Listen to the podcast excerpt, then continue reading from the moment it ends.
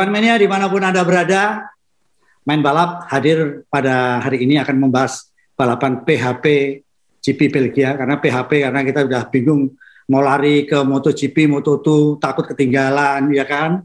Ditunggu-tunggu nggak ada ada lagi cuman hujan lihat air menitik kemudian genangan air. Kemudian pindah ke La Vuelta Tour juga sama takut kalau ketinggalan F1 sampai malam. Uh, Evan Mania ini adalah balapan yang paling seru karena akhirnya terjadi adu argumen antara VIA dengan uh, para menteri yang ada di Belgia. Pertama kali semua orang menyalahkan VIA kenapa Anda PHP, orang sudah datang, datang ke sirkuit bayar mahal, ternyata balapannya tidak ada gitu kan. Uh, juga menjawab, ini semua kesalahan Menteri Kesehatan. Kenapa kesalahan Menteri Kesehatan? Uh, karena Menteri Kesehatan di sana dengan BP POM-nya tidak bisa mengatur uh, peredaran boraks dan uh, boraks dan bahan pengawet lainnya. Sehingga hujannya semalam sangat awet sekali ya kan itu itu yang disalahkan gitu. Yang kedua juga mana Menteri Pekerjaan Umum katanya uh, spa bebas banjir gitu kan. Terus akhirnya PA juga nyindir ya memang bebas banjir. Maksudnya banjir bebas keluar masuk katanya begitu. Ini menyakitkan, jujur. Ini menyakitkan sekali uh, para menteri sana. Akhirnya para menteri pun juga uh, uh, gantian menyerang PIA kan.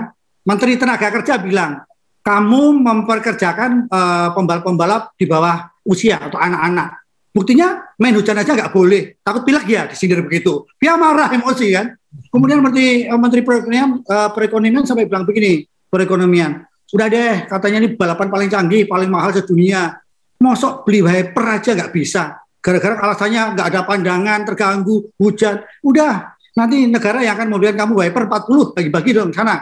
Kalau perlu tahun depan uh, spa atasnya akan kita kasih tenda treknya biar balapannya manja, nggak ada uh, hujan katanya begitu sah. Nah, tapi yang cukup menarik menurut saya ini adalah uh, uh, singgungan dari Menteri Olahraga. VIA ini hanya mengandalkan keselamatan pembalap saja, tidak memikirkan keselamatan penonton. Bayangkan hujan begitu deras, orang datang pakai payung, nggak dipikir kalau terjadi kecelakaan. Bayangkan kalau ada 20-30 payung tidak mengembang, berapa yang mati? Oh iya ya, VIA langsung sadar, ya, penonton pakai payung ya. Kalau misalnya payungnya nggak ada yang mengembang kan bisa meninggal itu ini adalah balapan yang paling paling apa ya menurut saya paling membingungkan gitu kan. Paling uh, panjang sekaligus paling pendek maksudnya. Nah, itu kan kita tuh sudah melihat bagaimana Norris mobilnya ber, uh, sudah berkeping-keping hancur kita tuh sudah aduh kasihan harusnya Norris di depan tuh.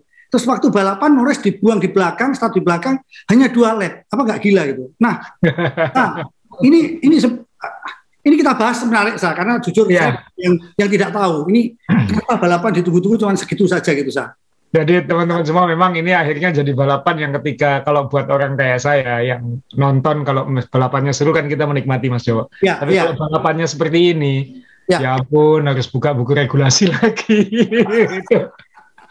saya sudah nggak rutin buka buku regulasi Ya. Dulu waktu masih aktif liputan F1 selalu kan setiap awal tahun FIA selalu nulis yang tahun barunya seperti apa. Uh, karena ya. ada dua technical regulation itu untuk mengatur urusan teknis, ya. lalu ada sporting regulation itu yang mengatur urusan pelaksanaan. Nah ini dua-duanya segini-segini nih kira-kira. Oh. dulu saya dulu saya rutin baca gitu. Sekarang aduh harus download nih ke FIA.com. Jadi ini sudah tahu pasti ini pasti banyak masalahnya karena kalau hujannya terus seperti ini pasti akan masalah gitu. Jadi ya itu balapan makanya saya bilang sampai tadi malam sampai ada yang jam satu masih WA WA nanya-nanya segala macam bilang ini besok aja deh sekalian detail semua lengkap karena ya itu tadi ini bukan balapan normal uh, pasti bukan balapan normal uh, komentarnya macam-macam mungkin banyak orang juga nggak tahu hasilnya apa karena langsung tidur tadi malam ya. uh, waktu Indonesia saya aja setengah-setengah ngantuk-ngantuk itu nungguin sampai dini hari uh, akhirnya juga harus dihentikan. Tapi ini kita akan bahas tuntas di sini Mas Jawa. Kita akan bahas tuntas. Uh, moga-moga nanti teman-teman bisa menjawab, menjawab uh, mendapatkan jawabannya kenapa Grand Prix Belgia ini jadi yang terpendek dalam sejarah dan kenapa poin-poinnya hanya setengah. Itu yang ada setengah poin, ada ada komplikasinya ke kejuaraan dunia juga seperti itu. Tapi sebelumnya saya mohon izin Mas Dewa uh, ke teman-teman penggemar balap uh, kalau selama ini nonton podcast main balap show kan selalu ada tulisan azaware.com di ya. di screen. Uh, kebetulan mulai sekarang kita punya seri yang kita sebut sebagai racing heritage. Jadi kayak oh. uh, berdasarkan terinspirasi dari warna-warna balap uh, populer yang saya sukai khususnya. Jadi banyak warna retro sebenarnya bukan warna-warna baru. Jadi yang dipakai Mas Dewa itu dari warna salah satu mobil F1 favorit saya kalau nonton episode podcast yang beberapa yang lalu. Yang saya pakai ini juga edisi United Colors, jadi banyak warnanya. Ya. Uh, sehingga nanti bisa dicek ke azaware.com. Di situ ada ya. beberapa uh, racing retail. Ini bukan kaos, ini sebenarnya bisa dipakai lari. Ini performance shirt ya, jadi bisa dipakai lari, bisa dipakai nge-gym, bisa dipakai olahraga apa aja. Jadi mau dipakai futsal, mau pakai sepak bola. Jadi ini kaos uh, teknikal olahraga yang temanya terinspirasi dari balap. Jadi siapa tahu teman-teman punya uh, pengen ngeklik ada di azaware.com linknya ada di di uh, deskripsi bisa kita linkkan juga di situ. Jadi saya kan itu pesan satu. tapi hobi saya kan kan sepeda lipat ya. Saya suka suka, suka sepeda lipat. Jadi jangan lupa teman-teman kalau pakai ini jam tangannya dimatchingkan warnanya. dimatchingkan. Ini ini kebiasaan saya zaman dulu nge-MC ya begini kan. Jam tangan sama dengan sepatu. Itu kan asik gitu kan. Ya. Oke, Sa. Dan banyak yang nggak tahu Mas Dewa kalau Mas Dewa itu sudah naik Brompton ke sirkuit sebelum Brompton itu booming. Nanti pada saatnya kita akan cerita bagaimana Mas Dewa kesasar di jalan tol pakai Brompton itu mau. mau. Tapi nanti itu itu nextnya lah. Uh, ya. Yang jelas kalau mau kesasar atau mau lari-lari bisa pakai uh, ya. performance yang tema-tema balap ini.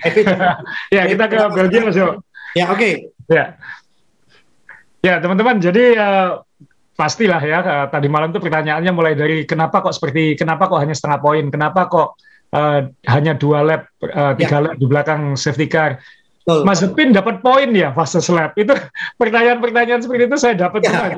yang nanya tuh kayak nggak terima Mas Zepin dapat fase slap poin itu tenang tenang Mas Zepin nggak dapat poin. Kenapa? Karena dia tidak top 10 jadi kalau uh, fase slap poin itu hanya diberikan kalau dia finish top 10 jadi kita minggirin urusan Mas Zepin nggak usah pusing soal poinnya Mas Zepin kan kayak gitu oh, kayaknya banyak haternya Mas Zepin di sini ya.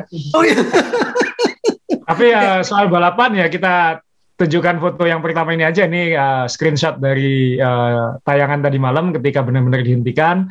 Uh, pada akhirnya adalah hanya tiga lap yang dihitung dua full lap di belakang safety car. Uh, ya. kemudian benar-benar dihentikan kembali ke pit lane. Uh, dan ini dinyatakan hasil lomba sudah selesai uh, hasil urutan di jalan itu yang berarti urutan kualifikasi adalah urutan final lomba uh, tapi karena jumlah balapannya di bawah 75 persen, jadi poin yang diberikan hanya separuh. Jadi kalau misalnya juara itu 25 poin, maka Verstappen hanya mendapatkan 12 setengah poin. Uh, ini juga bukan hal baru di F1. Uh, kalau ada yang tanya, kok ada aturan setengah poin? Enggak. Dulu sudah sering. Ini sudah kali ke-6 kejadian uh, balapan berakhir uh, setengah poin, setengah poinan. Uh, yang terakhir tahun 91 uh, di Australia di Adelaide sirkuit jalanan waktu itu. Jadi uh, sirkuit jalanan kan kalau hujan lebih sulit uh, uh, ngaturnya, lebih bahaya. Ya. Uh, kemudian apakah itu bisa nanti juara dunianya selisih setengah poin? Bisa. Karena itu juga pernah terjadi uh, tahun 80-an waktu Niki Lauda hanya menang setengah poin atas uh, Alain Prost satu tim sama-sama McLaren waktu itu. Sebentar, sebentar, Sa. Ini kita ngomongin Formula One atau basket ya? Ada menang setengah poin itu. ya, ya itulah, eh, itulah hebatnya. Mungkin kalau dulu poinnya dihitung uh, genap semua, mungkin nggak sampai setengah-setengah poinan kan, tapi kan poinnya kan ada yang ganjil gitu. Jadi ya. 25 poin ya 12 setengah, kalau 18 ya 9 seperti itu. Ya. Uh, pada akhirnya apa ini uh, uh, uh, mungkin uh, kita bacakan Mas Ewa ya hasil lombanya mungkin tadi malam ketiduran tidak tahu hasil lombanya seperti apa ya ini Verstappen menang, ya. uh, menang tanpa balapan. Uh, menang hanya ngikuti di belakang safety car. Uh, George Russell podium nomor dua karena dia kualifikasinya nomor dua. Nanti kita bahas juga khusus Russell. Ya. Hamilton nomor tiga karena dia kualifikasi nomor tiga. Ya. Ricciardo hasil terbaiknya bersama McLaren peringkat oh, empat. Lebih Vettel lima besar, Gasly ya. enam besar, Ocon juara terakhir di Hungaria nomor ya. tujuh. Ferrari uh, peringkat 8 dan uh, 10, Latifi dapat poin lagi uh, di peringkat 9. Jadi Williams setelah sekian lama nggak bisa dapat poin, ini dua lomba berturut-turut dapat poin, dua-duanya. dan sekarang lebih adil ya karena Russell yang poinnya lebih banyak daripada Latifi. Jadi uh, ini nanti kita lihat di klasemen konstruktor kok tiba-tiba ekstrim sekali Williams ini. Uh, mungkin Nah ini yang saya maksud tadi setengah-setengah poin itu ya ini klasemen uh, klasemen pem, pembalap. Ya. Uh, Mas mungkin bisa bantu bacakan jadi Hamilton 202,5. 0,5 betul. Verstappen ya. Setengah dari 200. ya. Nah ini ini hebat Mas Norris. Ya. Ini kan uh, pada praktis dua lomba tidak dapat poin. Yang terakhir ya. uh, ditabrak Botas, yang kemarin karena dia kecelakaan saat kualifikasi sehingga ganti gearbox lalu dapat penalti lima posisi start akhirnya ya. dia nggak dapat poin lagi uh, tapi dia tetap peringkat tiga Kenapa? Karena Bottas dan Perez sama-sama di luar 10 besar. ini masih beruntung juga ya? ya jadi tiga-tiga ini nggak berubah sama sekali, dua lomba sudah. Ya. Dan itu uh, luar biasa Norris ini, nggak ngapa-ngapain aja dia tetap peringkat tiga gitu. Jadi jangan ini ada keberuntungannya nanti. Seperti itu. Nah, yang yang Ferrari tentunya uh, selisih satu setengah poin antara Sainz dan Leclerc. Sekarang Sainz yang naik di atasnya uh, Leclerc, lalu Ricciardo langsung melompat ke atas itu dapat 56 poin, Gasly dan Ocon di bawahnya. Nah, yang yang seru nanti di klasemen konstruktor ya seperti nah. ini uh, hanya tujuh poin. Tadi hanya tiga poin antara Hamilton dan uh, Verstappen, jadi nah. akan makin seru ini. Ya. Uh, kembali ketat ya. Kemarin 8 poin, sekarang tiga poin. Mercedes dan Red Bull kembali ketat, hanya selisih tujuh poin. Oh. McLaren kembali di atas Ferrari. Kemarin kan poinnya sama. Ya. Sekarang ya. McLaren naik ke atas. Nah, yang di bawahnya masih masih uh, kalau itu sesama piranha saling gigit ya yang di bawahnya ini kayak gitu. Ya. Nah, yang hebat Williams langsung 20 poin. Jadi kemarin Alfa Romeo bilang kita masih bisa ngejar Williams. Sekarang kayaknya sudah nggak bisa ngejar Williams. langsung 20 poin, langsung melejit. Uh, berarti jumlah poinnya Williams tahun berapa itu? Tiga tahun mungkin dijumlahkan masih banyak sekarang mungkin seperti itu. Jadi luar biasa ya William luar biasa dan memang mungkin selayaknya lah karena ini tim tim legendaris uh, yang kita semua ingin penggemar F1 tradisional ingin tim ini segera kembali minimal ke papan tengah, kembali berkiprah, dan sekarang sudah podium. Norris saja nggak pernah finish nomor dua di podium, so. Dia ya. tiga kali finish uh, nomor tiga tahun ini. Ini Russell sudah pernah finish kedua sekarang. Jadi tiba-tiba berbalik situasi. Dan Russell ini kan ada momennya, karena Mercedes sudah bilang, kita sudah menaikkan pembalap untuk 2022 belum dikasih tahu siapa. Nah ini, Masih... ini nanti kita bahas kita bahas khusus Russell. Tapi sebelum kita bahas ke sana, balapannya dulu Mas Yowo ini. Ya, sa ini sa ini awam. ke ini ya. Ini awam sa, kita awam aja. Ya. Saya sendiri pernah mengalami ini di Sepang tahun 2000 berapa ya yang 2009 sama saya, Mas. Oh iya. Ya, kita berdua. Ya, tapi asal kan liputan ya, asal liputan ya, saya. Siapa penonton waktu itu? Di tribun. Jadi saya oh, di tribun tahu, ya. Ya, tahu saya tidak kehujanan. Semalam orang kehujanan. Memang menyakitkan ya, kenapa? Nunggunya lama, balapannya sebentar, kita pulang. Waktu kita ya. pulang dari sirkuit kan kehujanan itu. Ya. Dan pada saat kita menunggu itu menyakitkan lagi apa? Itu kan di close up uh, Kimi Räikkönen sedang makan es krim ya kalau nggak salah ya. Iya kan? Iya kan? Ya. Makan es krim ya. santainya di garasi itu loh. Jadi ya. kita tuh semalam sama merasakan sakitnya sana. Asal bisa ceritakan uh, apakah tidak ada kompromi soal uh, keamanan dan cuaca sa. Silakan ya. Jadi sekali lagi uh, saya tarik mundur sedikit soal hujan di Spa. Hujan di Spa itu sesuatu yang sering terjadi. Ya. Malah sering uh, penggemar F1 itu atau pengamat atau seperti saya ini yang penggemar berat, moga-moga hujan supaya seru. Kan kita sering kayak gitu kan, so. Moga-moga betul, betul. Sekarang telan omongan itu kita nggak bisa nonton balapan sekarang. nah, kan hujan itu kan macam-macam kan? Ada hujan yang biasa bisa ditoleransi hujan bisa di stop and go bisa dihentikan dijalankan lagi. Tapi ada hujan yang memang ya memang tandon di atas lagi penuh. Jadi mau nggak mau harus dihabiskan semua kan? Kira-kira kayak gitu. Ya. dan itu terjadi waktu terakhir memang tahun 2009 itu di Sepang mas Jawa saya juga di situ saya di media center. Dan saya bisa saya bisa bayangkan uh, ini penonton-penonton yang dari Indonesia yang saya tahu termasuk grupnya Mas Jawa kan? Ya. ini tiketnya malam ini loh pulang Iya iya betul. Jadi, betul. jadi misalnya minggu sore balapan pesawatnya malam itu pulang kan pesawat terakhir kan. Ya. Karena sirkuitnya kan sebelahan dengan uh, bandara di Sepang. Bandara ya. Ini kalau ditunda-tunda terus nggak bisa pulang ini ketinggalan pesawat semua ini. Berebut Karena Mas Jawa sama saya berdua pernah sampai dipanggil dipanggil-panggil di bandara kita orang terakhir masuk pesawat itu pernah gara-gara gara-gara nonton di Sepang ini. Jadi saya bisa bayangkan Uh, konsekuensinya ya kalau balapan seperti ini kalau ditunda-tunda terus itu banyak orang ini hari Minggu besoknya kerja dia harus kembali ke negaranya. Kalau di Eropa mungkin dia harus nyetir pulang ke negaranya atau ngejar pesawat uh, pulang ke negaranya dan lain-lain sehingga konsekuensi mundur-mundur ini kan luar biasa. Harus dicatat tadi malam itu lomba benar-benar dinyatakan selesai itu hampir jam 7 malam waktu Belgia waktu ya. di Spa. Jam 7 karena di sana matahari terbenam kan jam setengah sembilan malam ya karena ini musim panas musim panas saja kayak gitu. Nah itu kan berarti kan sudah sangat malam uh, dan memang nanti kita jelaskan lagi kenapa kok tidak bisa ditunda besoknya saja. Itu ada banyak alasan-alasannya. Uh, tapi pada akhirnya adalah itu sudah tidak mungkin dilanjutkan. Jadi akhirnya harus di, dihentikan. Nanti detailnya lebih lebih jelimet lagi ya. Tapi mungkin kita tata step by step dari dari awal dulu mungkin Mas Dewa ya. Iya iya iya. Supaya orang tidak tidak jadi yang jelas uh, sejak sejak awal sebelum Grand Prix ini sudah diprediksi akan hujan tiga hari. Tapi tidak ada yang tahu hujannya uh, bakal seperti apa. Ya. Sebagai catatan, Belgia Spa ini letaknya di hutan, kawasan hutan. Saya pernah ke sana goes tapi sekitar situ. Jadi memang cuacanya aneh sendiri. Saya waktu itu bulan Juli. Bulan Juli itu kan harusnya puncak musim panas. Kita di Paris kepanasan, di uh, di Italia kepanasan, tapi di kawasannya uh, Spa ini sekitar situ itu bisa hujan, bisa dingin, kan aneh gitu karena dia kayak punya iklim sendiri di situ.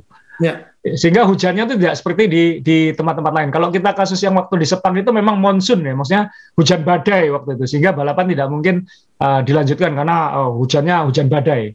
Ini hujannya nggak selesai-selesai. Kira-kira seperti itu dan dan kayak menggantung gitu di di kawasan hutan di sekitar Spa ini. Nah, hmm mereka sudah tahu tiga, kita sudah lihat saat qualifying hujan ganggu, qualifying kan sempat sempat terganggu hujan juga. Ya. Dan sa salah satu akibatnya adalah kecelakaan yang dialami oleh Lando Norris itu. Ya. Jadi Lando Norris orang pertama yang keluar saat Q3, ya. uh, tapi di Aurus di tikungan tanjakan yang kita bahas minggu lalu itu dia kehilangan kontrol, aquaplaning, ya. lalu menabrak dinding dan mobilnya hancur sehingga dia tidak bisa menyelesaikan kualifikasi dan kecelakaan itu pasti uh, jadi pedoman Hmm. Teman-teman ingat tahun lalu, dua tahun lalu uh, pembalap uh, eh, F2 meninggal ya di di, di Belgia. Ya, itu di di Tigoni. Beberapa sebelumnya ada balapan-balapan yang yang kecelakaan di sini. Jadi karena sirkuit ini panjang Mas Joko. Kalau sirkuitnya pendek kan mungkin bisa oh bisa kelihatan di sana hujan atau tidak. Ya, Jadi ya. kalau misalnya mau menyelamatkan itu akan lebih simpel kayak gitu. Jadi uh, dari satu titik ke titik yang lain di sirkuit itu lebih gampang. Spa ini 7 kilo. Uh, Mas Arief Kurniawan cerita bahwa dia nggak akan sempat ke semua bagian sirkuit karena ya. saking besarnya. Nah itu juga menjadi pedoman pembalap. Dia misalnya dia uh, safety car ya, safety car dia keliling untuk mantau situasi oh, ya. jalan. Ya. Dia bisa bilang di sini sudah sudah aman, di sini sudah mulai kering. Di lap berikutnya saking panjangnya dia balik, loh di sini sudah mengenang lagi gitu. Jadi tidak bisa memantau kondisi lintasannya itu seperti di sirkuit-sirkuit yang 5 kilo dan dalam satu kotak.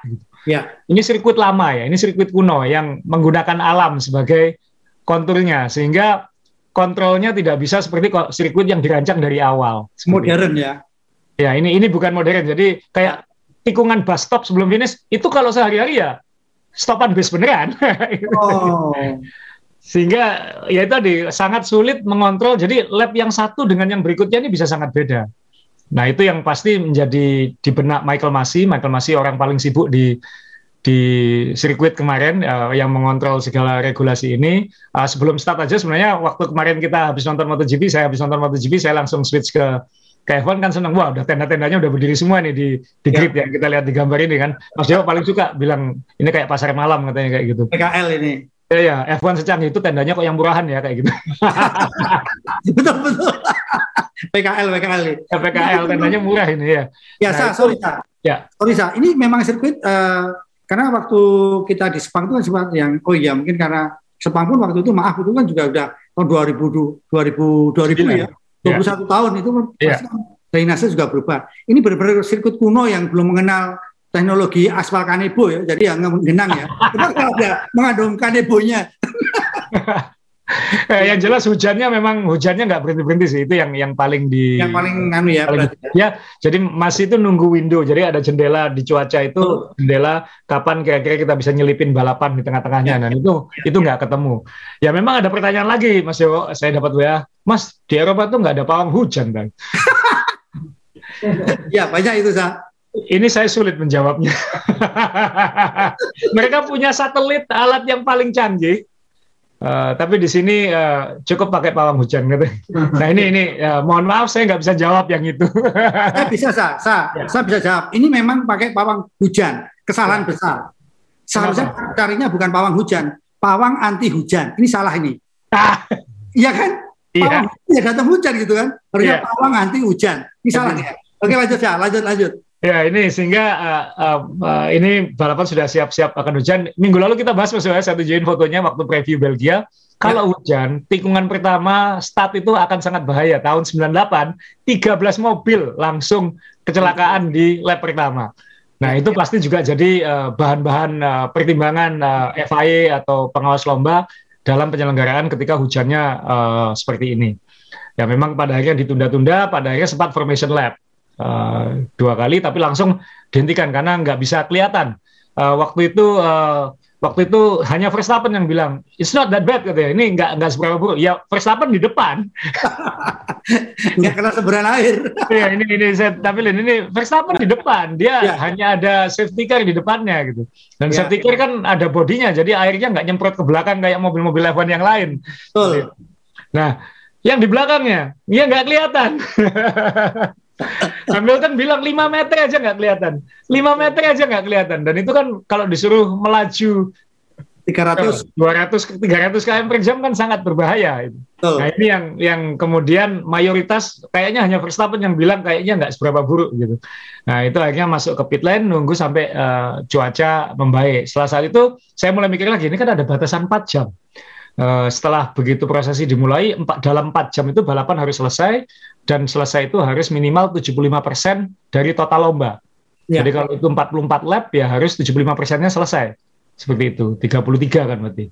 Untuk dapat full point. Ya. Ini ya oke lah kita tunggu satu jam, satu jam setengah.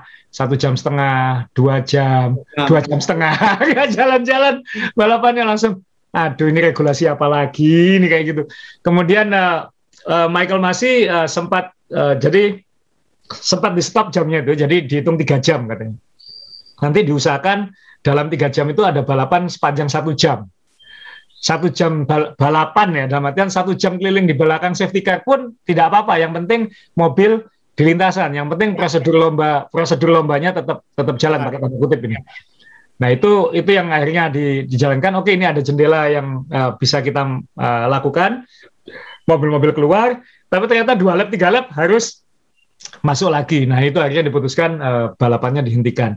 Nah itu yang yang apa namanya uh, kemudian muncul uh, dua aturan yang digunakan gitu. Dua aturan yang digunakan adalah uh, kalau untuk jumlah lomba minimum ya. sama poin yang diberikan. Nah ini kutipannya yang pertama adalah dari artikel 6.5. Jadi kalau kalau sprint qualifying karena sekarang ada sprint qualifying, sprint qualifying atau lomba itu dihentikan uh, berdasarkan artikel 50 dan tidak bisa dilanjutkan, maka tidak ada poin yang akan diberikan.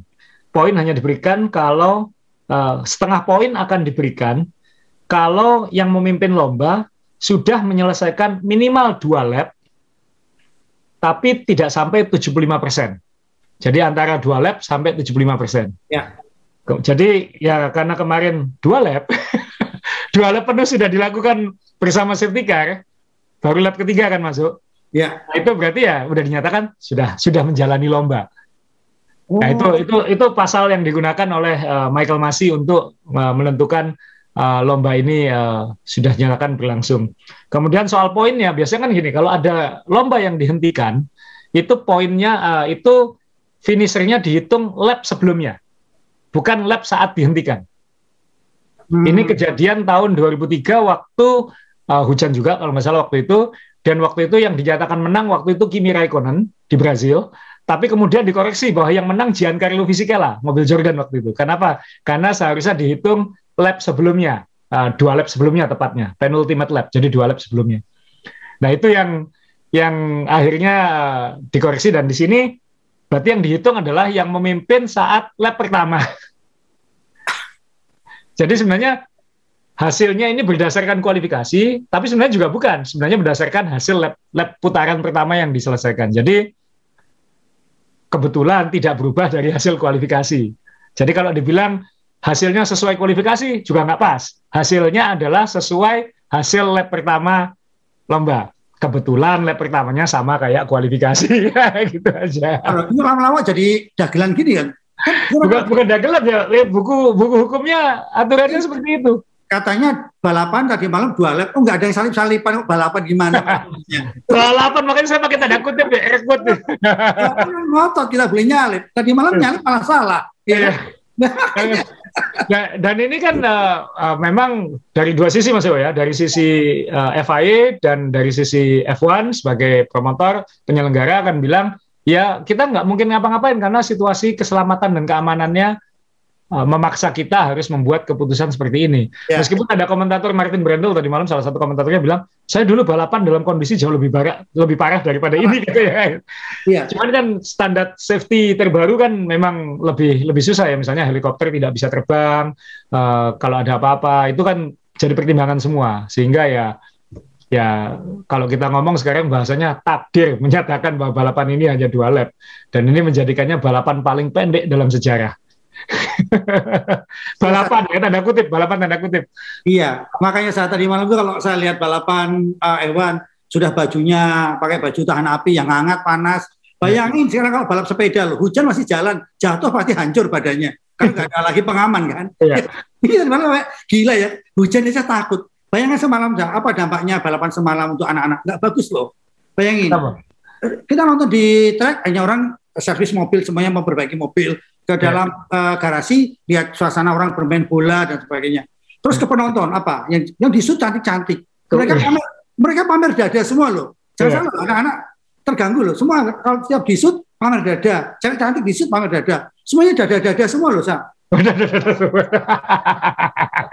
lanjut lanjut lanjut lanjut lanjut. Iya. Ya memang yang kita lihat yang kasihan penontonnya kan Maksudnya saya bisa iya. membayangkan itu balapan terlama dan terpendek kan. Ber, ya. berjam-jam menunggu di situ dan pulangnya harus malam banget karena kan pasti meninggalkan sirkuitnya udah gelap itu karena kan sudah jam Betul. 8 malam. Betul. Sehingga ya makanya yang makanya semua pembalap langsung bilang uh, kita terima kasih kepada fans karena mereka yang paling sengsara di sini. Ya Ya. ya, tapi ya nasib ya, hujannya seperti itu. Jadi next time kalau kita ke Belgia lagi, hujan secukupnya ya, hujan secukupnya ya. Jangan hujan tapi secukupnya gitu. Maksudnya jangan jangan seperti ini karena kalau enggak nggak bisa nonton itu aja. Ya, nah, saya, saya semalam, ya. Boleh ya, saya saya semalam jujur uh, saya senang. Tadi sudah disinggung asa pembalap. Uh, terima kasih sudah fans. Saya tadi malam juga senang ada beberapa pembalap yang uh, hujan-hujan menyapa penonton di mana di pagar pembatas itu kan, ya. menurut bagus sekali kepiaran yang sangat bagus sekali. Ya. Tapi kalau sebelum kalau ada yang asa ada yang mau disampaikan silakan. Tapi nanti pertanyaan saya cuma sederhana kok. Kita berandai-andai kalau tadi malam balapan benar-benar terjadi itu sebenarnya dampak untuk Verstappen dan Lewis Hamilton apa? Cuman mungkin asa akan disampaikan lagi silakan sebelum ke sana. Ya dampaknya pasti ya uh, untungnya yang menang Verstappen ya karena itu banyak orangnya kan di tribun. Makanya sekarang ada debat juga. Kalau itu yang menang Hamilton gimana? Oh bisa ribut lagi nih macam-macam. Apalagi balapan berikutnya di di Belanda. Nah ini kan Belgia tempat kelahirannya Verstappen. Jadi banyak Belanda Belgia kan tetanggaan. Jadi gampang sekali orang Belanda ke Belgia untuk nonton. Nah ini yang untungnya yang menang Verstappen. Jadi nggak berubah dan Uh, untungnya dua-dua timnya kan uh, dua-dua timnya di belakang 10 besar semua jadi ini duel satu lawan satu gitu. Nah tinggal uh, nanti kita bahas karena kualifikasi jadi penting kan Mas Yo. Ya, betul, jadi betul, penting. Betul, yang betul, berikutnya betul. ini adalah saya ingin ngomong satu Kenapa saya ingin ngomong kualifikasi? Karena terkait satu tadi kita sudah singgung Lando Norris, uh, kecelakaan ya, Norris itu pasti jadi pertimbangan untuk lomba ini. Ya betul. Kemudian yang kedua ada Russell di situ yang spektakuler, uh, hampir pole position. Ya. Kemudian yang kedua adalah uh, Perez gitu. Karena uh, Perez kan seharusnya bisa membantu uh, Verstappen di depan, apalagi Bottas kena penalti lima posisi. Jadi penaltinya Bottas juga nggak ada artinya juga kemarin kayak gitu. Iya, iya. Nah, Perez kan, nah ini dia uh, apa yang terjadi di Perez ini juga menjadi pertimbangan pengawas lomba, Mas Jo. Karena uh, kalau kita lihat, uh, ini saya pasang fotonya Perez, ya, dia ya. pas belum pemanasannya, dia reconnaissance lap namanya. Dia dari pit lane keluar mau menuju grid, ya. mau menuju ke garis start. Itu dia tabrakan ya. karena jalannya begitu uh, licin. Nah ini juga jadi pertimbangan loh. Kalau pelan-pelan mau ke grid aja melintir, apalagi nanti ketika balapan seperti itu. Dan ini mobilnya cukup rusak parah bagian depannya ya, cukup rusak parah. Uh, kabarnya di lomba itu butuh 3-4 jam untuk perbaikan dan itu pasti nggak sempat karena ya. lombanya sudah akan dimulai. Nah, ya. jadi waktu itu Red Bull sudah bilang ke Michael Masi, sudah bilang ke FIA bahwa uh, Perez nggak akan ikut start gitu. Oke, Kemudian kan ditunda-tunda. Secara resmi prosedur startnya kan belum dimulai, Mas Yo. Betul. Nah, yang keliling di awal itu kan sebenarnya untuk uh, uh, warm up lab-nya kan ya kayak mau menuju, mau menuju grid sebenarnya. Iya, uh. Tapi itu kan dibatalkan. Jadi secara resmi prosedur start itu belum dimulai sebenarnya. Jadi FIA juga sebenarnya masih juga sebenarnya sudah mikir jangan sampai empat jamnya itu dimulai kecepatan. Karena begitu prosedur dinyatakan dimulai itu ada empat jam itu tadi ya, yang kemudian jadi tiga jam itu. Nah ini yang yang yang harus di, diawasi. Nah gara-gara ada waktu ekstra, Red Bull lobby ke Michael Masi. Perez boleh ikut dong. Maksudnya start di belakang atau start di pit lane nggak apa-apa, tapi boleh ikut dong. Kan kalau hujan start di mana aja relatif nggak masalah, apalagi mobilnya cepat kan, Jo. Kan ya. dia bisa membantu mendapatkan poin. Wow, lobby dan itu kita semua nonton ya di, di TV bagaimana saya sukanya sekarang F1 itu ada kontak-kontakan antara Michael Masi dengan tim.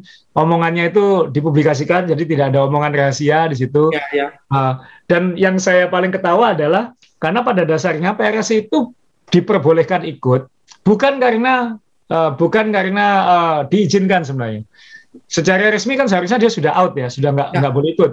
Tapi sebenarnya dia akhirnya boleh ikut kenapa? Karena sebenarnya tidak ada pasal yang melarang. Oh. Karena ini kejadian yang belum ada presiden yang belum pernah terjadi. Oh, langkah ini.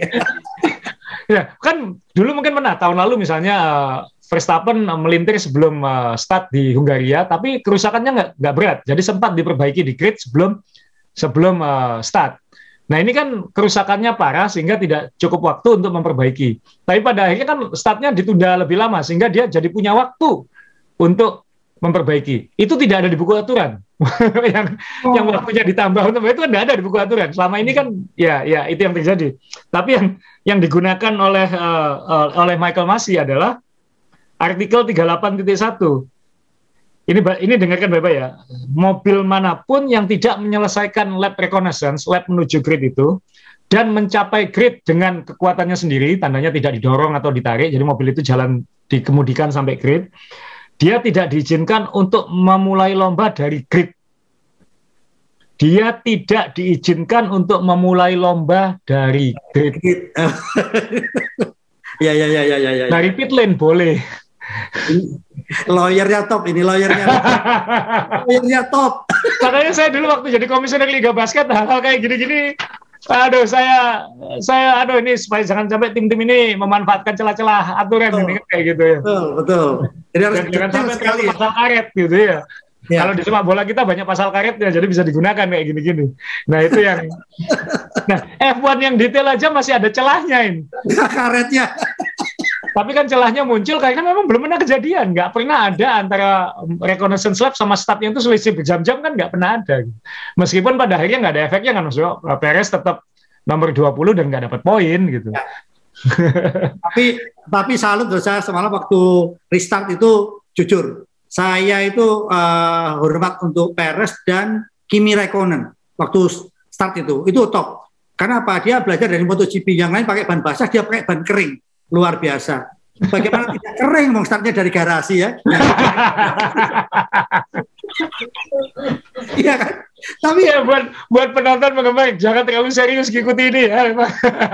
Masih kok bisa bela-bela cerita ya. Nanti dibully lagi nih. Biar bapak-bapak lagi. Lucu, kering yang nggak pernah di grade tuh.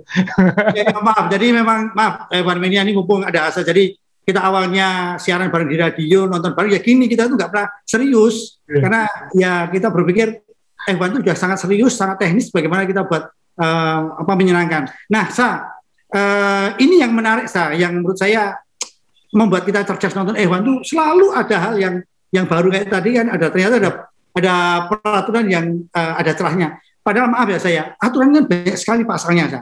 Iya. Kok ya, kok ya bisa menemukan gitu loh. Oh, saya bisa bayangkan ini saya mau pasang fotonya Michael Masi ya. Ini orang ya, orang ya, paling ya. sibuk di F1 tahun ini. Ya. Uh, mau di ini dia. Ini orangnya yang pakai ya. sweater biru. Pak ini orang tadi malam ini yang di sebelah sebelahnya masih buka buku aturan semua itu kan. Saya aja, aduh harus download aturan ini kayak gitu.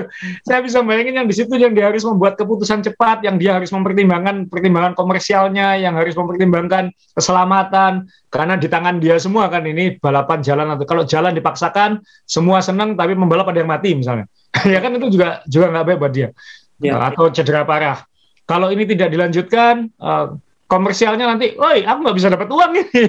Oh, betul. Jadi, jadi semua di tangan Michael Masi sekarang. Jadi ini orang paling terkenal di F1 sekarang. Oh nggak penting ketua FIA itu siapa, sama sama CEO F1 siapa nggak penting. Yang paling penting ini sekarang betul, betul. Michael Masi ini dan dia dia tahun ini kan baru kira kurang lebih baru tahun inilah eh, baru beberapa tahun terakhir sih lebih transparan. Tapi tahun ini kan karena ketatnya pertarungan ini Mas Yowa ya, sehingga hal-hal kecil itu jadi lebih dapat sorotan dan itu yang membuat orang-orang seperti ini akan mendapatkan beban yang lebih lebih berat dari dari normalnya seperti itu. Apalagi sekarang F1 tidak seperti dulu. Dulu mungkin ada antara main mata antara uh, klub, uh, ada antara tim dengan FIA dengan apa kan kita nggak tahu karena memang nggak pernah transparan. Tapi sekarang kan Red Bull lobby aja dipublikasikan. Jadi uh, kalau saya mau main mata sama Red Bull kan agak susah juga kayak gitu.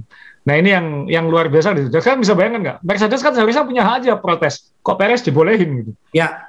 Kemudian uh, bisa aja protes. Loh, kan ini menguntungkan uh, Verstappen, dia menang tanpa balapan. Ya, ya tapi ya. kan pada akhirnya uh, acuan-acuan aturan ini kan yang yang apa jadi pegangannya masih ini. Jadi saya yakin pengacara tadi malam tuh pengacara-pengacara buka buku semua itu tadi malam nih. Satu pengacara tim-tim uh, Mercedes menanggapi Red Bull, uh, Red Bull menanggapi uh, boleh nggak Perez ini? Uh, kita cari celah siapa tahu Perez bisa bisa ikut ini. Buka buka aturannya kayak gitu. Ya, Kemudian ya. saya yakin pengacara-pengacara uh, uh, yang urusan komersil ini berapa gimana caranya supaya TV tetap bayar? Bagaimana caranya supaya penonton ini nggak harus di refund? Ya, ya kan, kan semua itu jadi perhitungan kan kan saya menaruh topi sebagai penyelenggara ini kan kayak gitu kan ada banyak yang punya kepentingan di sini. Nah ya. pada akhirnya memang uh, eh, FIA dan uh, eh, F1 saat menyatakan balapan seperti ini ya memang kenapa nggak ditunda aja Senin? Mereka hanya bilang karena berbagai macam alasan kita tidak mungkin menyelenggarakan hari Senin, nggak nyebut apa. Jadi kan secara hukum dia nggak bisa disalahkan. Memang ya yang faktor utama pasti keselamatan, tidak mungkin balapan dijalankan. Yang faktor kalau ditunda Senin, ya kalau Senin itu kering, kalau masih hujan. Kalau hujan masih parah, uh, kemudian uh, logistiknya berat. Sekali lagi, ini bukan sirkuit normal, ini sirkuit yang panjang sekali seperti itu. Dan harus diingat, ini memang habis liburan, tapi habis Belgia ini ada dua lomba lagi berturut-turut ya kan dari sini langsung ke Belanda ya Belgia Belanda dekat mungkin bisa diatur tapi ya, habis ya. itu kan habis itu harus ke Italia lagi yang sangat melelahkan yang ya. Monza itu dekat Milan ya jadi uh, ada tiga lomba berturut-turut dan itu sangat melelahkan untuk semua kru uh, semua kru F1 saya pernah liputan dua lomba berturut-turut aja capeknya minta ampun apalagi um, mekanik kru yang nggak bisa pulang kan ya, uh, ya. Gitu. dan ya, ini kita ya. belum singgung bahwa kalender yang sudah mulai difikskan kan jadi apa komplikasinya masih masih banyak sekali di sini. Nah, ya. tapi saya kira ini mungkin ya mau tidak mau nasib ya harus seperti ini. Uh, ini uh, yang paling rugi pasti penonton Mas Yo. Uh, penonton TV mungkin nggak terlalu rugi ya. Kita paling ya. ah nggak nonton balapan ketiduran atau ah tidur kayak gitu aja capek. Tapi ya. penonton yang ke sirkuit yang sudah kehujanan, yang sudah bayar mahal, yang mungkin nggak berani ke toilet takut ketinggalan action kan kayak gitu. Iya. Nah, mungkin karena hujan kencing semua di tribun itu kan kita nggak tahu. Iya, tapi benar sah. Jadi teman-teman yang pengen ke sirkuit kadang-kadang pengen nonton ke sirkuit. Jujur kalau menonton F1 itu paling enak ya di TV. Karena ya. semua lingkungan kita bisa menikmati. Kalau kita nonton langsung cuma sepintas gitu kan. Ini ya. belum pulang pada saat pulang nanti kita berebut uh, transport menuju ke bandara, menuju ke per, uh, kereta api dan sebagainya. Tapi jujur semalam itu saya seneng ya. Saya kalkulasi ini gila ya selama orang nonton uh, Formula One jarang ada orang datang itu berangkat membawa payung sendiri, berangkat membawa jas hujan, enggak semuanya. Pasti semuanya itu beli di di mall area. Bayangkan tadi di malam tuh merchandise segitu banyak berapa saya bilang itu payung di atas 500 ju, eh, 500 ribu, iya. jas hujan 250 ribu ya kan? Iya. Gila menurut saya gitu kan. Tapi orang sana udah pengalaman ini Belgia jadi bawa jas hujan. Kalau lagi kan karena untuk kenang-kenangan pulangnya kan. Sa, ya, tapi ya sorry maaf sa, kembali pertanyaan saya tadi yang ya. uh, tadi saya ta sampaikan. Ini berandai-andai saja ya. Kalau kondisi memang agak sedikit normal dengan balapan trek basah lah, anggap aja ya. F3 ya. Semalam kita lihat F3 dulu ya. Ya. F3, F3 ya. F3 kan ya. lumayan basah kan, lumayan baik ya. kan. Ya. ya. Seandainya agak basah daripada F3, ini menurut Asa gimana dengan penampilan uh, uh, Red Bull dan dua aja Red Bull lawan Mercedes. Ya. Dari kualifikasi dan latihan kemarin. Memang ini akhirnya spekulasi Mas ya, karena kan tidak ada ya. tidak ada contoh konkretnya. Ya, andai-andai aja, andai-andai. Kalau kita lihat qualifying uh, pasti sudah kelihatan Verstappen uh, pole position, uh, sedangkan uh, dua Mercedes saat latihan pun juga kesulitan mengalahkan Red Bull meskipun sangat tipis selisihnya. Ya, ya. Kemudian Bottas sempat ngomong bahwa setelan kami sebenarnya bukan terlalu cocok untuk hujan. Jadi dari hmm. situ aja mungkin kita bisa membaca bahwa Red Bull mungkin lebih siap sekarang oh. untuk untuk hujan. Mungkin sekali lagi nggak nggak terbukti nggak teruji karena tidak terjadi balapan. Uh, kondisi, ini. Ya. ya kondisi basah dan hujannya beda di F3 dengan F1 gitu. Maksudnya F3-nya kan pagi, pagi mungkin masih lebih masih lebih enak hujannya lebih lebih uh, deras di siang sore hari sehingga ya. F1 lebih kena. Jadi kita nggak bisa bicarakan juga uh, kira-kira uh, siapa yang lebih unggul yang jelas Verstappen pasti akan mencurahkan segalanya kan Mas karena dia kan memang butuh menang. Ya. Beda dengan Hamilton, dia butuh menang. Uh, dan ini uh, ya yang jelas kita harus yang kita lega adalah Grand Prix Belanda nanti akan kering, akan uh, sunny, akan terang. Jadi moga-moga uh, tidak ada hal seperti ini lagi. Tapi ya sudah, ya. ini ini udah untungnya buat Verstappen Mas Dewo, uh, mesinnya jadi hemat. Jadi dia Oh iya iya. Ya, dia kan dia kan sudah jelas pasti akan pasang mesin keempat sebelum musim berakhir tapi dengan Belgia ini tidak ada lomba berarti kan hemat 300 kilo kira-kira uh, ya. kilo uh, umur mesinnya itu dan itu mungkin memperpanjang umur mesin itu satu lomba. Nah, ya ya ya ya, ya. itu ada ganti ya. Tetap akan ganti, tetap akan ada ganti mesin ya. uh, mesin baru dan penalti tapi sekarang lebih fleksibel satu lomba. Jadi tidak lagi tidak lagi harus aduh mau nggak mau harus sekarang nggak mungkin oke okay, mungkin kita masih bisa pakai ini di Belanda yang pasti ya. uh, karena uh, butuh maksimal di situ di kandang sendiri di Monza yang butuh kekuatan mesin luar biasa jadi mungkin nggak perlu nggak perlu ganti di situ. Uh, nah mungkin nanti setelah itu akan dihitung lagi kita akan buang yang mana buang yang mana. Sehingga ini menguntungkan Red Bull dari sisi itu. Uh, Mercedes tentunya sama tapi kan yang kepepet sekarang yang kepepet sekarang Red Bull. Ya, nah, nah saya ini anda-anda lagi ya, anda-anda lagi. Uh, Lando Norris luar biasa, uh, babak latihan, kualifikasi ini anda-anda aja lah. Kalau seandainya tidak, ya ini tidur aja dapat poin ya, menang, tergeser ya. nah, tidur aja nggak kegeser ya. Ya, jadi ini kalau pembalap memakai masker bukan karena takut COVID ini, memang takut kalau tidur mangap, disorot juga malu ya kan. ya ngeces-ngeces juga malu nanti. Sa, ini uh, Lando ini kan luar biasa pada saat latihan, kemudian saya yakin dia sangat pede keluar pertama karena memang Waduh rasanya ini sirkuitnya dia rasanya kalau saya melihat itu. Gimana saya melihat saya? Eh, kan kita selalu bilang mas, peluang terbesar McLaren untuk menang adalah Belgia dan Monza. Oh iya iya. iya. Hilang satu. Hilang satu. Hilang satu dan dia sangat mungkin pole position. Nanti habis ini kita ngomong Russell ya Mas Yoga. Karena kan kalau Russell aja bisa seperti itu kan Lando. Lando harus ini kan, ya. Ya Lando ini kan sejak latihan uh, pede banget di depan dan situasi hujan kan mungkin dia uh, dia akan menunjukkan kemampuan yang belum pernah kita lihat sebelumnya seperti itu. Ya, ya, ya. ya. Dia sangat kompeten dan dia pede banget keluar duluan waktu Q3 oh. itu kan. Ya. Uh, akhirnya dia yang jadi tumbal. Ya, ya, ya. Uh, ya, memang kalau melihat dari uh, mobil yang berkeping-keping seperti itu, saya ini kan oh, ngeri, bayangkan ini kan, ya. ya kan luar biasa kan saya. Ini kan ya. kalau lihat mobilnya, nah ini saya ini kan bayangkan mobil seperti ini masih bisa diperbaiki dalam waktu besok pagi sudah bisa untuk balapan. Kan ya, tapi gearboxnya harus ganti mas. Gearboxnya harus ganti dan itu bikin dia harusnya dia 10 besar, dia ya. jadi uh, akhirnya peringkat 13 atau apa nggak salah. Jadi karena kan uh, dia harus ganti gearbox. Seandainya dia tetap di nomor 10 nggak ganti gearbox, dapat satu poin. eh setengah poin. Iya dapat setengah poin kan. Ya. Atau mungkin lebih karena Botas kan mundur kan, Botas mundur lima posisi. Ya adalah pokoknya intinya seandainya dia nggak ganti gearbox, dia pura-pura nggak ganti gearbox aja misalnya kayak gitu kan dapat dapat dapat colongan poin. Iya iya. Ya apa pun harus terima kasih pada Lando Norris ini kita karena memang luar biasa ini uh, tontonan yang sangat luar biasa pada saat menabrak Des itu dampaknya ke Menteri Perdagangan Indonesia langsung ditelepon tolong dikirim katanya ada ada ada ada ini ada ada pakaian dari Indonesia yang cocok untuk uh, hujan dan trek basah. Wah, langsung kan dikirim satu poin penuh uh, GT Man anti selip. Nah, gitu. Tengah dalam. nah, eh, sekarang kembali ke Russell, sa. Uh, ya, ini ini gila loh ini. Iya. sangat gila. sangat gila ya. Ya, ini gila. Nah, Podium tanpa balapan. Benar, saya mau tanya, sa. Ya. Layak nggak dia mendapatkan ini? sangat layak. Sangat layak. Sangat layak. Dan uh, kita semua tahu dia Mr. Saturday, uh, dia jagoan kualifikasi, selalu mampu membawa Williamsnya ke Q3 atau minimal Q2, uh, mengalahkan mobil-mobil yang lebih cepat.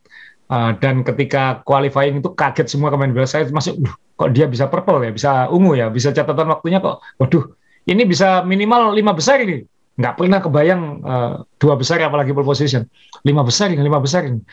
Terus kemudian dia tak pole position kan seperti itu uh, tapi di belakangnya masih ada Hamilton masih ada yang lain gitu Verstappen Hamilton masih di belakangnya kemudian Hamilton finish di belakangnya tak loh Hamilton masih di belakangnya Russell wah pole position ini tapi kemudian ada Verstappen yang lewat uh, pole position kan, ya, sehingga ya. dia dapat start nomor dua. Dia bilang, wah ini luar biasa. Kalau besok kondisinya masih setengah hujan kayak gini kan berarti dia sudah menunjukkan saat hujan kualifikasinya kayak gitu. Ya. Uh, ini pasti aman poin lah. Nggak pernah bayangkan podium ya, podium kita nggak tahu tapi aman aman poin gitu. Eh ternyata balapan tanda kutip kan, sehingga akhirnya dia tetap uh, finish kedua dan dapat poin. Uh, ya di satu sisi apakah ini adil? Bisa ya bisa enggak, tapi kalau kita melihat kalau yang ngikuti F1 selama tiga tahun kiprahnya Russell di F1 kan ya akhirnya dia layak dapat podium karena ini dia ini kan apes dapat mobil yang papan bawah selama bertahun-tahun. Nah, ketika sekarang dia bisa menunjukkan kemampuannya uh, dan dia bilang ya ini mungkin selama ini kita hebat hari Sabtu tapi nggak pernah kelihatan hasilnya. Sekarang kita nggak harus ngapa-ngapain hari uh, Minggu kita dapat hasilnya. Jadi intinya adalah saat Sabtu jangan pernah menyerah karena kan siapa tahu minggunya dapat sesuatu. Iya, Jadi intinya dalam hidup lesson kalau saya uh, saya selalu diajarkan Mas ya kalau ada sesuatu kan kita kejar ya apa pun jangan terlalu mikir karena nanti pasti akan ada pasti ada akan ada hasilnya lah. Hasilnya, akan ada akan hasil itu akan datang gitu. Nah ini ya. Uh, karmanya Russell dapat podium. Ini ada fotonya dia juga di atas podium. Ya dia senang-senang. Aku aku udah lama pengen di sini kok. Kayak gitu. Jadi dia dapat podium ya luar biasa. Dan mungkin ini juga pertanda dia sebenarnya sudah ditekan Mercedes. Karena berita lebih penting daripada Russell naik podium adalah apakah dia akan di Mercedes. Karena ya, Toto ya. Wolff uh, di sebelum uh, saat dimulainya Grand Prix Belgia akhir pekan kemarin sudah ngomong kita sudah membuat keputusan siapa ya. akan menemani Hamilton 2022 cuman kita belum bisa ngomong dan saat uh, Russell sama Bottas sama-sama ditampilin di uh, preskon juga dua-duanya juga nggak nggak ngasih ngomong juga nggak ngasih petunjuk apa apa tapi uh, indikasinya sih sudah Russell gitu indikasinya.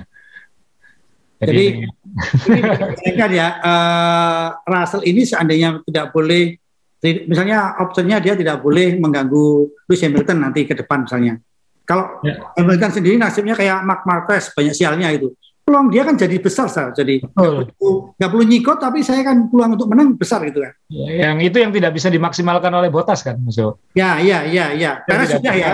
Karena sudah sudah, sudah, sudah bertahun-tahun 2017 18 19 20 ya. 21 lima tahun. Satu pembalap belum tentu dapat kesempatan satu tahun. Di tim papan atas ini lima tahun di mobil terbaik. Ya, lima ya. tahun. Uh, dulu Sena dan Prost saja uh, bisa saling sikut bisa sama-sama juara dunia kok Ya. Dan siapa saja yang di Williams, uh, waktu Williams masih dominan, uh, Damon Hill aja bisa juara dunia, uh, Jacques Villeneuve bisa juara dunia, ya kan? Alain Prost juara dunia di situ, Nigel Mansell juara dunia di situ. Jadi uh, Nico Rosberg aja juara dunia uh, bersama Lewis Hamilton. Jadi uh, ya uh, Bottas tidak bisa menyalahkan siapa-siapa dalam hal ini. Um, mungkin komprominya yang jelas adalah uh, Wolf kan bilang siapa pun yang tidak dipilih dia tetap akan mendapatkan uh, yang baik tahun depan. Jadi perkiraan saya mungkin ini tukar kursi mungkin. Tukar kursi ya? Ya, tukar ya. kursi. Iya, tapi ini menarik ya. Kayak misalnya tadi Bottas nggak bisa menunjukkan, kemudian kalau Perez kemarin yang waktu uh, pesawat banyak pecah, uh, dia masih bisa podium satu si Pereznya. Ini kan tanda-tanda maksud uh, maksud saya maksud, ada peluang yang bisa dimaksimalkan gitu saat. Ini ya. Bottas kan banyak sekali yang maaf hilang gitu kan. Betul. Bottas sampai sekarang belum menang. Uh, setelah 12 lomba belum menang tahun ini. Sedangkan Perez saja yang meskipun sebenarnya lebih belepotan sudah menang satu lomba. Ya, Sabtunya dia selalu menang, uh, selalu lebih bagus daripada Lewis Hamilton ya Sabtunya ya. Uh, si Bottas. Si Bottas ya kualifikasi. Ya, sering, sering, sering, sering, lebih baik daripada Hamilton, uh, tapi tidak bisa memaksimalkan itu kendalanya. Nah ini kan Red Bull juga sudah pasti kan karena Perez kan sudah diperpanjang untuk tahun depan. Nah, tinggal sekarang konfirmasi di Alfa Tauri apakah masih Sunoda dan Gasly. Kalaupun dua-duanya masih ya, katanya sekarang Red Bull sedang mencarikan kursi untuk Albon. Jadi kalau nah. Albon nggak dapat tempat di eh, nggak uh, dapat tempat di Alfa Tauri, mungkin akan dipinjamkan ke siapa gitu. Ya sekarang kita tahu yang yang punya lowong kan cuman Alfa Romeo, uh, Williams mungkin sama Haas mungkin. Ya. Jadi kita nggak tahu. Ya, mungkin Albon akan dipinjamkan atau apa. Tapi Albon sendiri sudah ke Amerika kemarin sudah aktif uh, ke IndyCar, jadi ada kemungkinan juga Albon akan akan ke sana. Tinggal bagaimana Red Bull mengamankan Albon ini, saya kira. Yeah. Nah, itu itu luar biasanya apa uh, F1 jadi uh, tahun ini banyak yang bisa dibicarakan itu. Itu. Iya. balapan tadi malam itu saya ya ampun kok bisa kayak gini. Saat uh, kembali ke masalah hujan ini kan uh, orang selalu bilang bahwa selama ini mobil kan sudah selalu canggih ya. Dan ya. di, di MotoGP pun juga kita, saya juga baru tahu ternyata ada ada alat khusus di mana itu meminimalkan jatuh gitu kan. sampai sampai dipikirkan seperti itu gitu kan. Ya, ya. Uh, jadi memang hujan ini memang di Formula One ini memang masih skill skill yang yang yang di atas ya saya kalau ya. kita ngomong hujan loh ya. Ya terus terang kan kita paling suka nonton balapan hujan Mas Jo. Maksudnya Hungaria kemarin seru karena ada elemen basahnya juga kan. Ya, ya, ya, ya. Nah kita, cuman kan ini kayaknya terlalu banyak fans F1 yang mendoakan hujan, jadi hujannya bablas kemarin kayak gitu. ya. Ya, ya. ya. Hujan F1, memang ini jadinya loh F1 sekarang kok takut hujan gitu. Ya saya juga mikir kayak gitu tadi malam. Nah, kalau ya. IndyCar karena oval, mayoritas oval kan bahaya kalau hujan. Jadi pasti ditunda besoknya. NASCAR uh, oval juga di Amerika pasti ditunda besoknya. Uh, atau standar sirkuitnya mungkin tidak seperti F1 uh, rata-rata yang dipakai. Nah, ya. kok ini kok sampai dibatalkan? Tapi ya harus diingat hujan kemarin itu bukan hujan normal, dan kan bukan hujan bukan hujan yang bisa ditoleransi oleh oleh F1 dan di tempat yang mungkin secara safety lebih sulit dikontrol kan, Mas Jo. Kalau kecelakaannya terjadinya di ujung mana kan akan ag agak sulit, apalagi kalau helikopter tidak bisa terbang menjangkau dengan dengan cepat. Jadi harus diingat lagi, Spa ini lu, cakupannya luas sekali, bukan kota ya. 7 kilonya itu lonjong memanjang. Eh, kebanyakan sirkuit kan 5 kiloan atau kurang dan dalam wilayah kota gitu. Sehingga uh, safety jangkauannya lebih lebih simple. Ya. Nah, ini yang yang ya inilah risikonya sirkuit-sirkuit zaman dulu. Jadi memang pembalap zaman dulu itu hebat-hebat. ya takut mati atau belum ngerti. Iya. Iya loh dari dulu belum uh, pengaman mobil juga masih sederhana helm yeah. juga masih sederhana walaupun orang bilang kecepatannya kan belum secepat sekarang tapi kan juga resikonya dulu kan lihat pembalap helmnya masih nyepai kacamata aja dan apa uh, tangki bensinnya masih di sekeliling dia semua uh, mobilnya ya. masih dari aluminium belum dari karbon fiber kan seperti itu iya terus harus ganti persneling uh, ya, pakai manual seperti itu juga ya. mengganggu konsentrasi jadi memang kadang-kadang uh, kalau diperbandingkan juga nggak bisa juga gitu kan. Ya, ya sa ini uh, sebelum saya pindah ke topik selanjutnya saya ini untuk uh, untuk GP Belgia apa masih ada uh, masih ada uh, hal yang disampaikan saya mungkin kita ya. nggak ya. dapat di medsos kita nggak dapat di apa berita-berita uh, gitu mungkin ada ya. yang lain. Jadi ini yang jelas uh, ini lomba yang kembali menunjukkan ke kita detail-detail regulasi yang mungkin selama ini kita nggak perlu pikirkan. Ya. Uh, ya kita pasti siapa yang kecewa saya juga kecewa Mas Yo karena kan nggak bisa nonton balapan sudah ditungguin liburan Mas Yo lama sebulan nunggu balapan ini kan. Akhirnya Evan balik eh kok cuma di belakang safety car. Tapi ya ya situasi tidak memungkinkan. Positifnya adalah masih ada dua lomba berturut-turut setelah ini. Jadi setelah ini kita ke Belanda ke kandangnya Verstappen dan itu pasti festivalnya luar biasa dan Verstappen pasti motivasinya luar biasa uh, dan kalau dia bisa menang di situ berarti dia bisa kembali ke atas klasemen. Ya. Uh, persaingan masih sangat ketat hanya selisih tiga poin Hamilton dan Verstappen jadi kita masih uh, masih setelah 12 lomba masih mendapatkan uh, musim yang sangat seru. Ya. Uh, kemudian lomba-lomba uh, yang tersisa kayaknya sudah hampir uh, pasti diumumkan mungkin nanti kita bahas di minggu depan sekalian uh, kalau tidak terlalu banyak kontroversi di balapan yang berikutnya lagi yang harus dibicarakan uh, karena masih ada satu dua yang harus difinalisasi sebelum uh, 22 atau 23 lomba ditetapkan untuk uh, 2021. Kalau catatan tambahan di uh, Belgia kemarin tadi Mas Jawa sudah singgung tentang Formula 3. Uh, saya juga senang Mas Jawa karena pembalap uh, favorit saya mot balap motor uh, dulu kan masih 500 cc ya. Pembalap ya. favorit saya sepanjang masa adalah Mik Duhan. Nah itu kemarin uh, ini saya mau pasang fotonya. Mohon maaf, uh, ini saya carikan fotonya.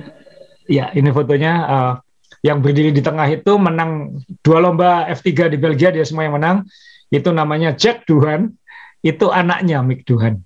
Oh. Dia anaknya balapan mobil dan sekarang di F3 sudah mulai menang-menang. Jadi uh, jangan kaget kalau lihat kalau uh, Mick Duhan dulu di uh, 500 cc atau Grand Prix motor, anaknya nanti di Formula 1. Itu Uh, saya saya tahu Jack Duhan balapan, tapi saya nggak tahu kalau dia sudah level level seperti ini. Mohon maaf, jadi saya juga nggak ngikuti juga. Nah, yang di sebelahnya itu Mas Dewo, yang di sebelah uh, kalau di layar yang saya pakai panah nih ya, ya. Yang satu tim sama dia di Trident itu, itu namanya David Schumacher, Mas Dewo. Anaknya Ralph. Oh, anaknya Ralph. Saya juga bingung nih siapa. Anaknya Ralph ya. Anaknya Ralph Schumacher. Jadi oh. dua, jadi Mick Schumacher anaknya Michael sekarang sudah di F1. Ya. Uh, David Schumacher sekarang meniti karir menuju F1. Jack Duhan juga meniti karir menuju F1. Jadi jangan kaget nanti 5-10 tahun lagi namanya sama kayak 20 tahun yang lalu. ini jadi Mania ini sedikit cerita waktu kita ke Sepang sama Asul sama BB ada orang jualan ini kan uh, jualan topi ada ada Duhan kan waktu itu kita tawar ngawur-ngawuran itu kan. dapatnya kita lima ringgit atau berapa itu karena udah hujan. Dan saya akhirnya kenal baik sama yang jualan gitu kan. Jadi tahun 2015 pada saat liputan Ewan di Melbourne bersama Aza saya dikasih tahu ini Duhan. Oh ya ternyata saya sudah sudah sempat foto bareng dan waktu itu memang ada exhibition balapan mobil ya saya waktu itu yeah. dia karya yeah. pakai mobil itu ya itu Duhan yang nyetir juga ya waktu itu ya. yang nyetir ya ya kan jadi kita oh waktu itu kan diadu sama Formula One. Ya, kalau di Australia biasanya selalu ada eksibisi mobil ya. F1 lawan supercar, uh, super Car, ya. super ya. 8, apa uh, saya sampai lupa namanya. Supercarnya Australia yang V8 itu, kemudian ya. sama mobil biasa kan masuk. Ya, Dia betul. itu mobil F1-nya ngefur, yang lainnya duluan, nanti finishnya siapa duluan gitu. Ya, nah itu ya. salah satu mobil itu yang nyetir Mick Duhan. Duhan. Uh, ya dia sering, uh, dia juga aktif balap mobil sebenarnya. Kan Valentino Rossi juga suka balap mobil sebenarnya. Ya. Jadi jangan kaget kalau Rossi pensiun balap motor, tahun depan dia ikut entah itu rally, entah itu touring car, atau apa kan, atau Le Mans mungkin kan kita nggak tahu nanti Rossi akan ikut yang yang mana. Nah, satu lagi Mas soal anak-anak pembalap ini, ya. kan sudah ada beberapa yang lolos ke F1 seperti sekarang. Ya. Uh, ada yang sekarang masih agak kesulitan kayak anaknya uh, Gianalesi itu, uh, Giuliano kan sekarang lagi balapan di Jepang karena uh, kebuang dari Formula uh, Formula 2. Uh, ya. tapi juga masih mencoba masuk. Ada satu lagi sebenarnya anaknya Montoya juga sebenarnya sudah mulai balapan.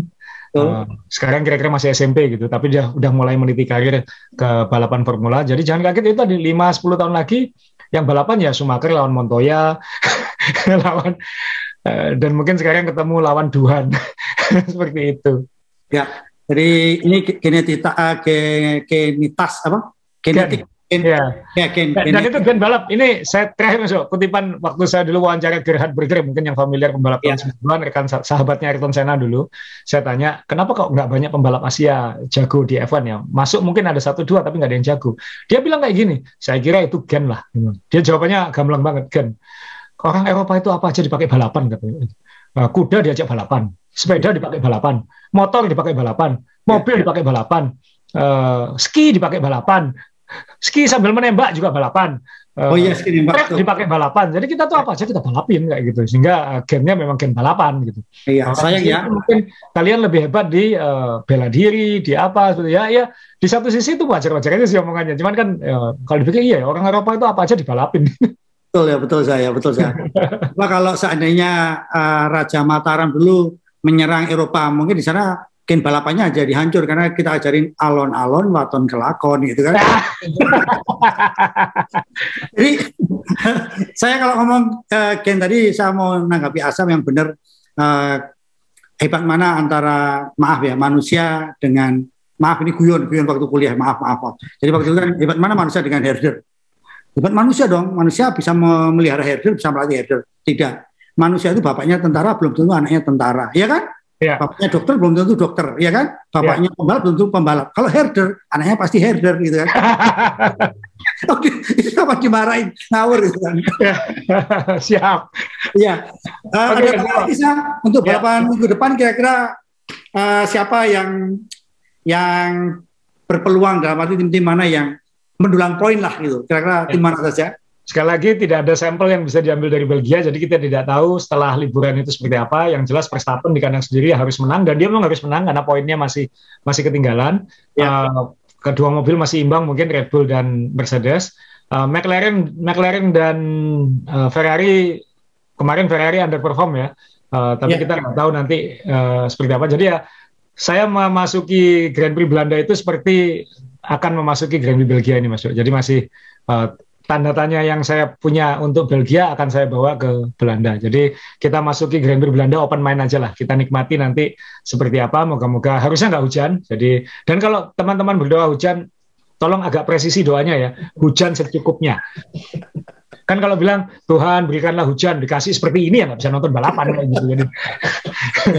Jadi Asa sebagai narasumber uh, saya hari ini, kalau saya tanya juga ternyata pakai ilmu lampu mati jadi nggak berani dia uh, punya prediksi. Jadi pakai ilmu lampu mati itu maksudnya hanya penuh raba-raba gitu kan. Jadi belum berani memastikan. Oke, okay.